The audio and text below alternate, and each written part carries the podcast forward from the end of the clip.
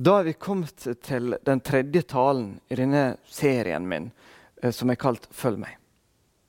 I dag har jeg satt overskrifta 'Å kjenne eller være kjent av'. Kanskje forstår du mot slutten hvorfor. Da jeg gikk på ungdomsskolen, så hadde jeg en lærer som var veldig interessert i kunst. Og Vi så en god del på noen greske skulpturer, gjerne fra før Kristi tid. Eh, jeg syns disse skulpturene var flotte. Syns de var fine. Så jeg tenkte imponerende godt gjort. Tenkte at det, det å få det til å ligne så mye på en person må være vanskelig. Noe som jeg aldri kunne ha greit. Men så har jeg merka i det siste at det, det er noe med disse her som gjør at jeg ikke er så imponert lenger. Kunne du tenke deg å føre en samtale med den skulpturen som er her oppe på sida med nå, f.eks.? Hvis du ser i øynene på denne skulpturen, hva ser du da? Jeg har etter hvert lagt merke til at det du ser, det er tomhet. Det er liksom ikke noe liv inni her. Disse skulpturene er veldig fint gjort. Det, er liksom helt sånn strigla. Um,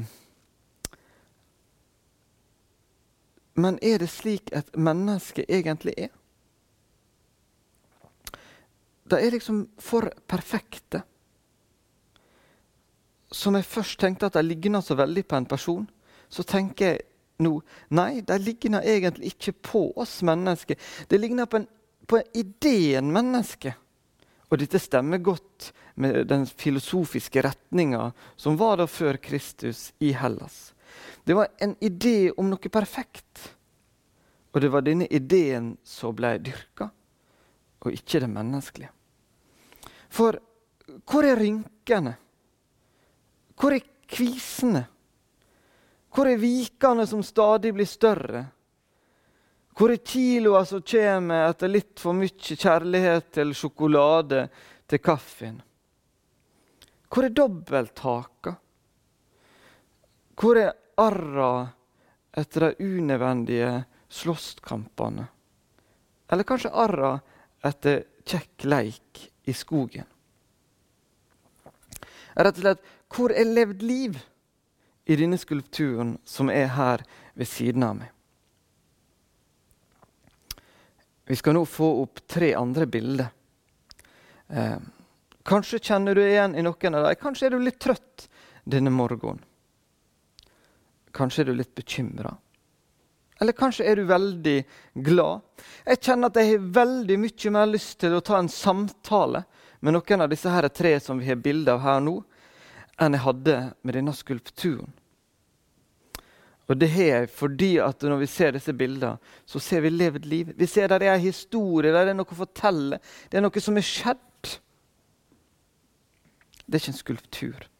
Det er ikke en idé. Det er noe reelt.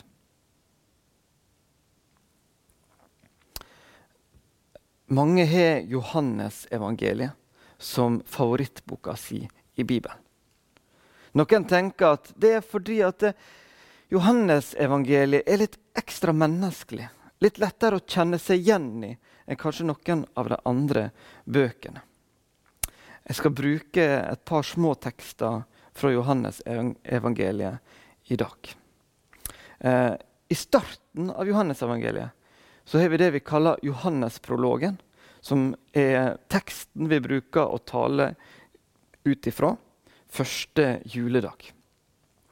I den teksten i vers 14 så står det Og ordet ble menneske og tok bolig blant oss. Og Dette er det lyst til å ta eh, utgangspunkt i mer i dag. Og se på det at Gud ble menneske, og det at vi er mennesker. Hva betyr det her når vi skal følge etter Jesus? Vi skal se om vi klarer å svare litt bedre på det. Jeg har lyst også å ta dere med litt inn i livet mitt. Eh, fordi at eh, vi er i en tradisjon som en, jeg tror noen ganger har hatt en tendens til å kanskje snakke litt i overkant mye til denne ideen om det guddommelige, det perfekte mennesket. Altså til denne skulpturen. Og kanskje noen ganger glemme hvordan er det egentlig å være menneske? Hvordan er det levde livet for oss mennesker? Jeg er trygg på at um, det Jesus gjorde på Golgata da han døde, han vant over døden, sto opp igjen, at, at det gjelder for meg. Uh, at det han gjorde, var nok. Uh, at jeg ikke skal prestere noe som helst for min frelse. Det er noe som han har gjort. Jeg mottar dette her som en gave. Så vet jeg det at når jeg vil følge etter Jesus, så jobber Den hellige ånd i mitt liv. Han viser meg noen ting som han vil at jeg skal jobbe med. Og det er en kamp som jeg må stå i. Eh, den kan av og til være utfordrende, men den kampen ønsker jeg å være i. Men jeg kjenner på en kamp til som jeg kaver litt med. Jeg har nemlig noen urealistiske forventninger til meg sjøl. Jeg har en idé om hvordan jeg burde være, som ligner litt på dette her disse skulpturene vi så på i starten. En sånn idéverden om det perfekte. Jeg har noen sånne forventninger til meg sjøl. Og når jeg ikke lever opp til disse, så blir jeg skuffa. Um, noen tenker at gresk filosofi har fått en del innpass i luthersk kristendom gjennom opplysningstiden og kanskje pietismen. Den diskusjonen skal jeg ikke jeg ta, men, men, jeg tror at det er noe usunt og galt med noe av det som jeg kan tenke på og kjenne at jeg har en sånn kamp med, jeg kaver med. For da glemmer jeg litt at jeg er et menneske. Og at Gud kom til oss mennesker gjennom Jesus fordi at vi er slik som vi er. Og pga. skuffelsen over å ikke være sånn som jeg ønsker å være, så, så gjør det noe at jeg holder litt tilbake når jeg skal fortelle Jesus om hvordan det står til med meg. Og ikke bare når jeg skal fortelle Jesus, men også når jeg skal liksom, ta meg sjøl på alvor, snakke til meg sjøl. Så prøver jeg liksom å eh, holde vekke noe av det som jeg veit ligger der. Eh, fordi at det er, det er litt styr å skulle liksom legge alle korta på bordet, både overfor Jesus og meg sjøl.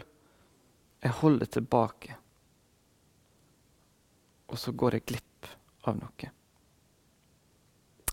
Gir dette mening for deg? Kjenner du deg igjen?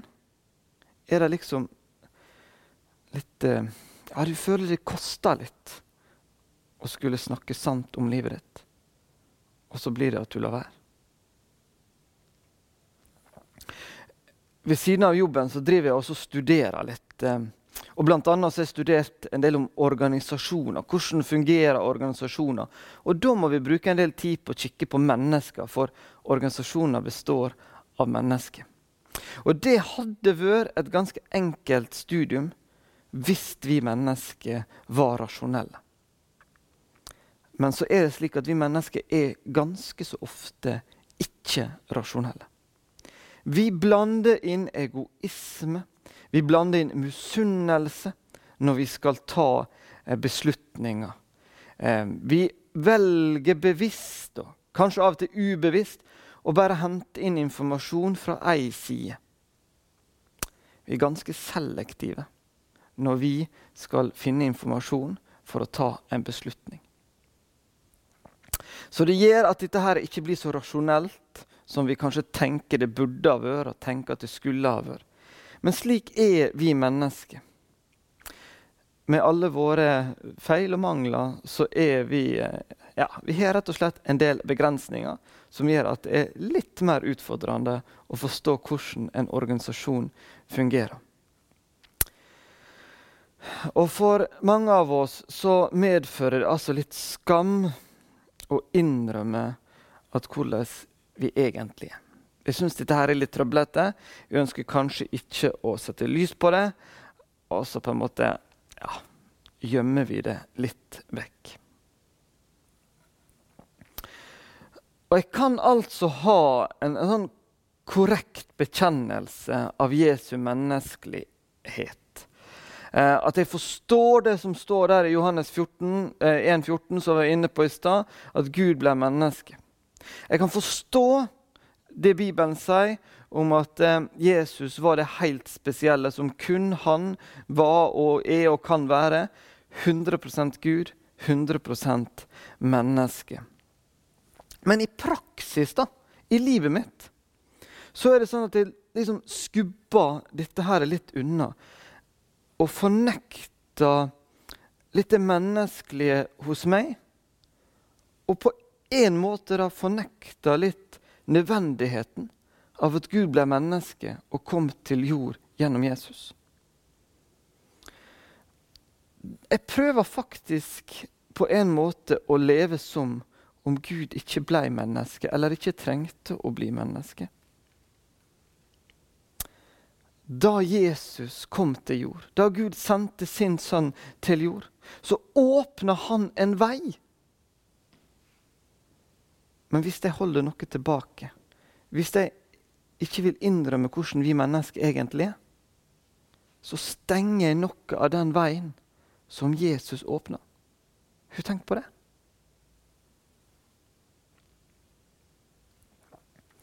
Gud blei menneske gjennom Jesus. Og det gjorde han for at jeg skulle bli frelst. Da må ikke jeg prøve å være noe annet enn et menneske. Jeg fant et sitat i en bok. Kroppen min er et møtested mellom Gud og menneske. Et sted der himmel og jord overlapper hverandre. Min kropp den er god nok til det her. Den er god nok til at Gud ønsker å være i meg. Jeg har grunn til å ikke bare ha en sånn intellektuell tru. At det Jesus gjorde for meg, var nok. Men jeg skal få lov til å virkelig hvile i denne sannheten. Jeg skal få lov til å kjenne at dette her tar mer og mer plass i livet mitt. At jeg kjenner jeg kan få slappe av. Og slippe å skulle leve opp til en eller annen guddommelig idé.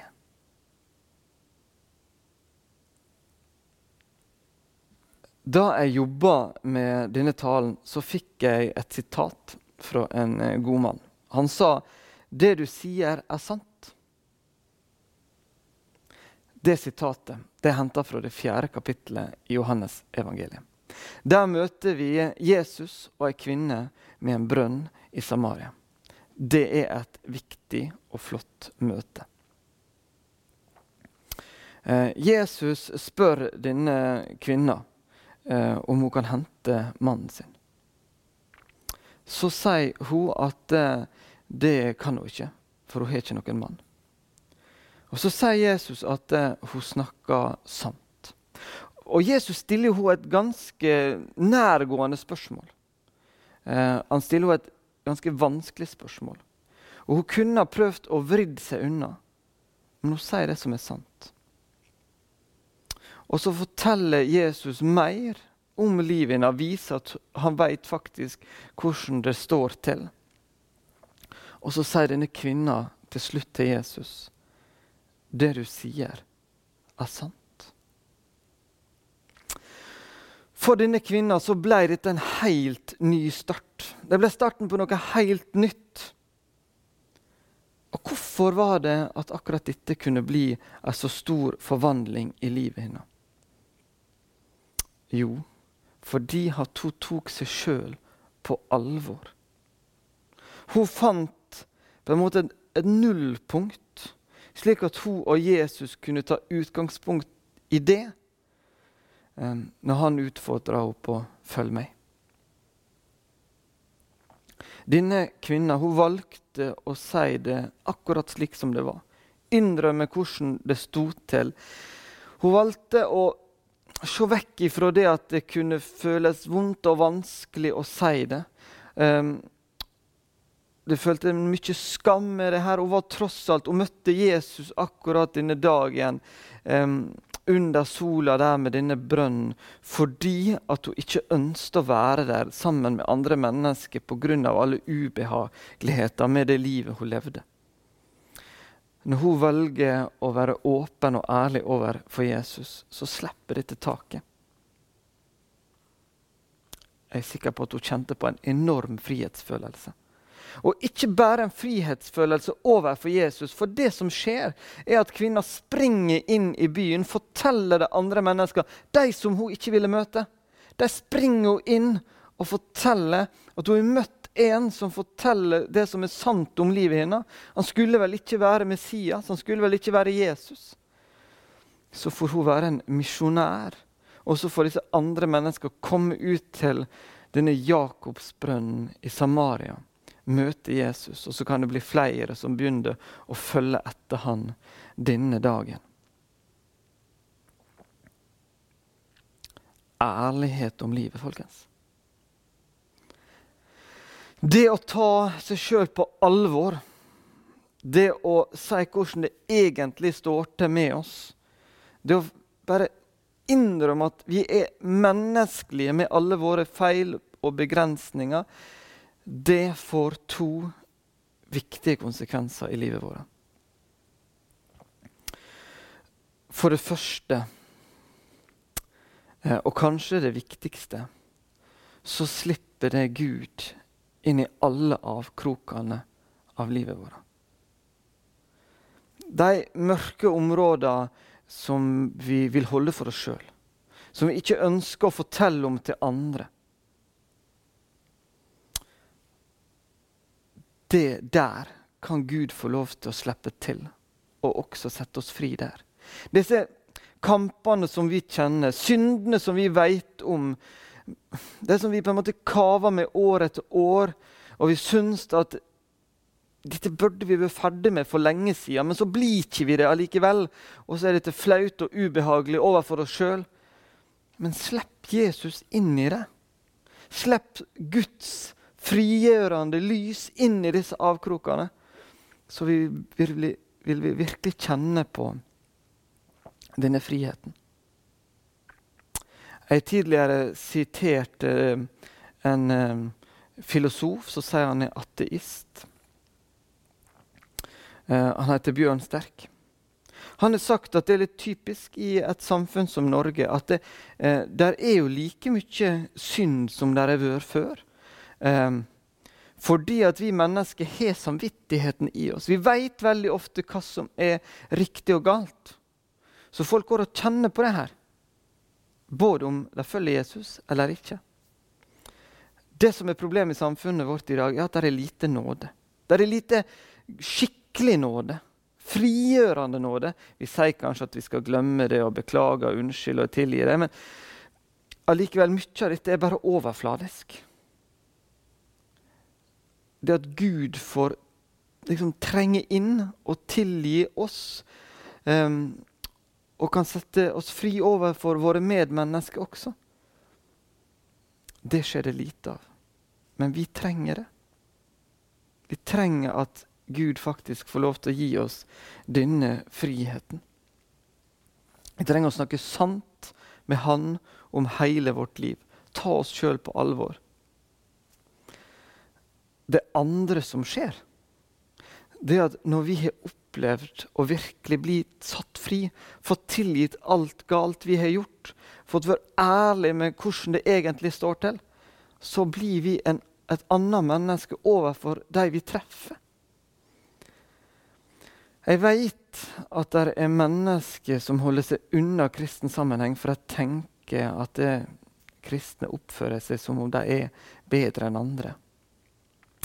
Eh, kanskje av og til gjør vi det ubevisst. Men hvis vi virkelig har latt Gud få lov til å tilgi alt det som er i oss, så vil mennesker rundt oss merke at vi møter dem på en annen måte. Vi møter dem med en helt annen uh, åpenhet for tilgivelse. For vi vet at det, det er ikke noe bedre. Uh, jeg tror rett og slett at skikkelig tilgitte mennesker lukter litt bedre.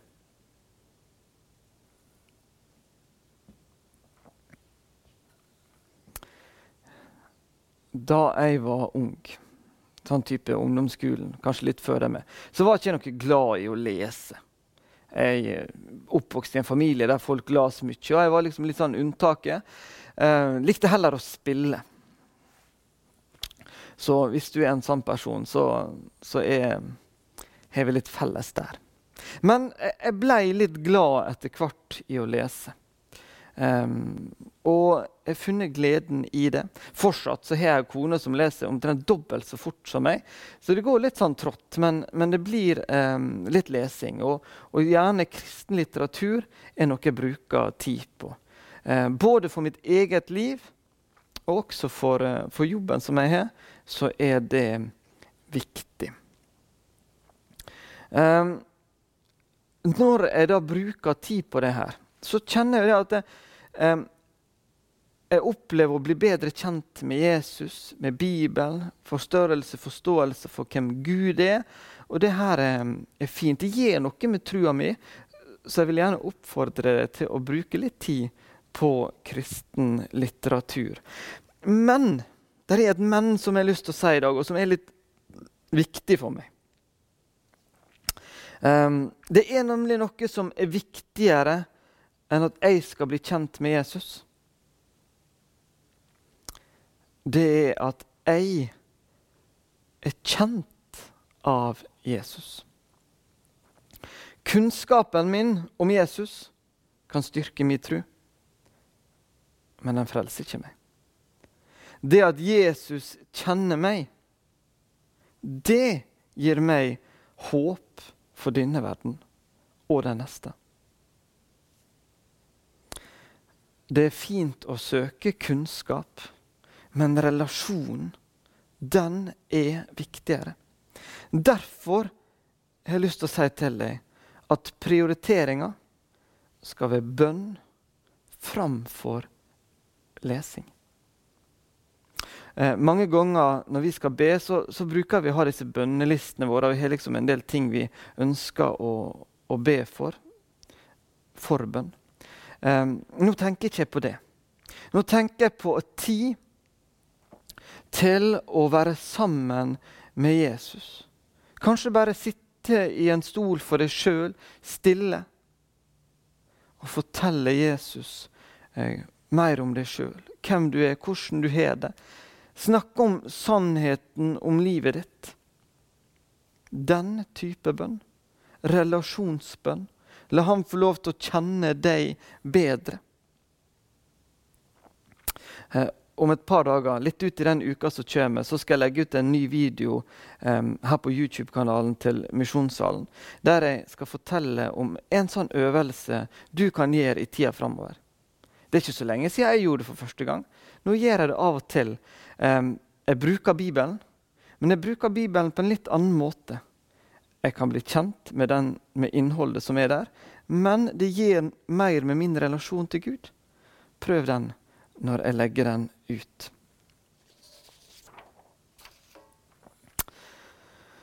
Følg meg. Ja, jeg håper at det vi snakker om, eh, kan være med og gjøre at du ønsker å, å følge Jesus. Eh, at du snakker sant til han, slik at eh, det å følge han kan eh, bli enda bedre. At du følger Han som er veien. Men at du ikke bare følger Han som er veien, men også Han som er sannheten. Er du klar til å la deg bli kjent av Jesus? At han får vite alt? Vi trenger nemlig ikke ei kirke med strigla, perfekte personer som disse skulpturene som vi så tidlig. Vi trenger ei kirke med mennesker som har erfart Guds frigjørende lys eh, langt inn i avkrokene i livet sitt. Vi trenger mennesker som har levd liv, som har en historie, og som kan bruke denne til også å fortelle andre mennesker om Jesus. Vi trenger ei kirke med mennesker som veit at Gud måtte bli menneske. Slik at Gud kunne få lov til å få en relasjon til akkurat deg. Når jeg tar meg sjøl på alvor, så kan både Gud og mine medmennesker gjøre det.